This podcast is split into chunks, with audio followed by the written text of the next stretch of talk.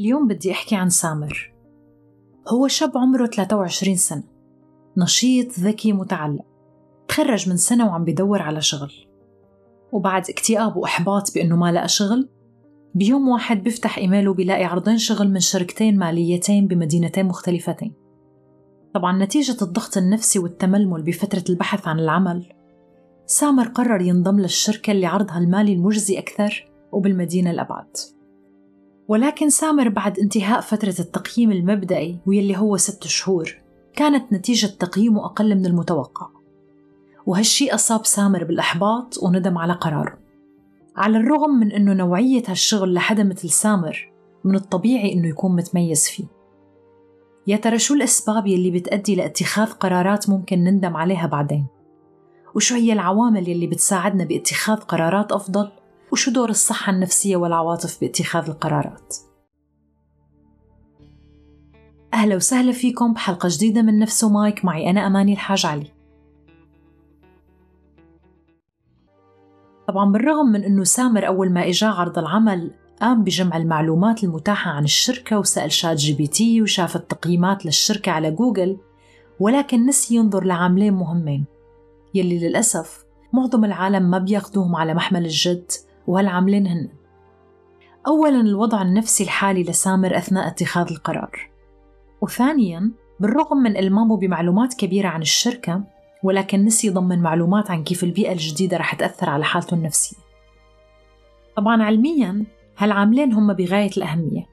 فبحسب بحث عن علاقة الاضطرابات النفسية باتخاذ القرارات تم نشره على مجلة الطب النفسي الأمريكية استنتجوا أنه غالبا ما يعاني الأشخاص يلي عندهم أعراض قلق واكتئاب من صعوبة باتخاذ القرارات وأيضا اتخاذ قرارات متهورة.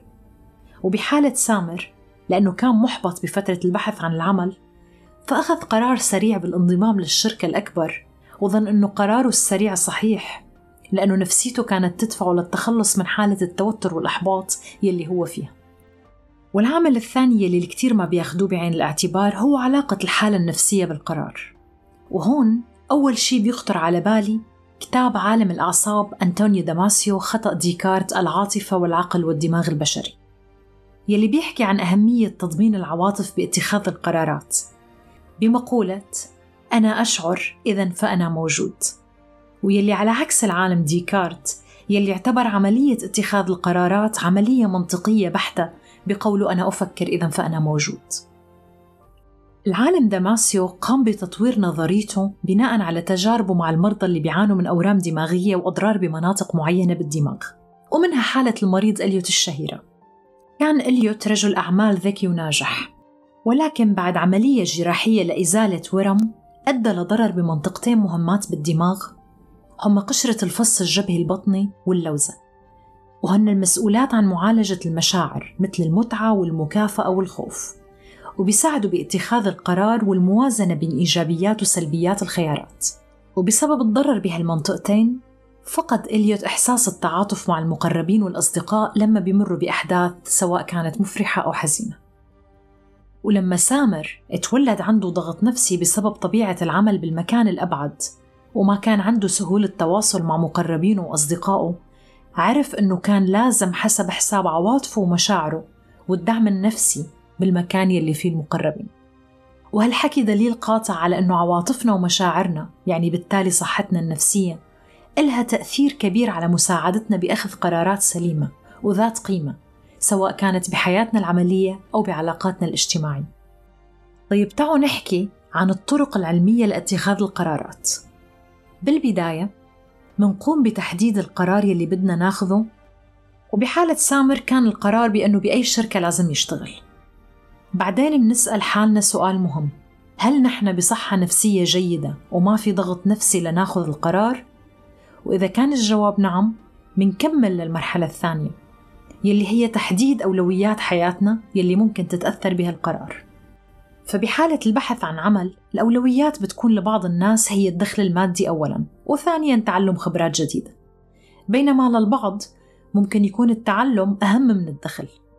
وهالشي طبعا شخصي وبيتغير من شخص لآخر. وهون من الضروري أخذ بعين الاعتبار العامل النفسي واعتباره أولوية من الأولويات. وبعدين منقوم بجمع المعلومات الكاملة عن الخيارات المتوفرة. وبحالة سامر حجم الشركتين وإيراداتهم والرواتب بالشركات وتقييمهم. وبس تتوافر كل هالمعلومات. إذا في شخص ذو خبرة ومقرب إلك فمن الجيد الأخذ برأيه. وبعد مراجعة كل هالأشياء ننتقل لمرحلة أخذ القرار. وأخيرا منسجل القرار. لحتى تعملوا مراجعة للقرار بفترات لاحقة وتقيموا إذا كان مناسب أو كان من الممكن تحسينه.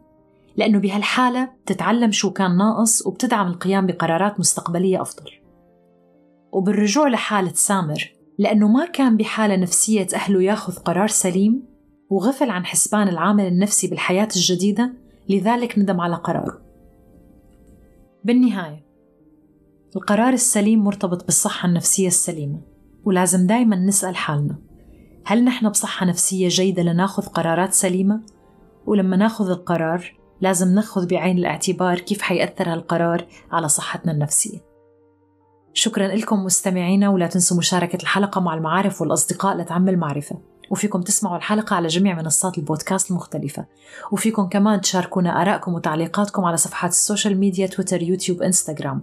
وفيكم تراسلونا على email ال podcast نفسان مايك at وتركت المراجع العلمية للحلقة بموضوع الحلقة.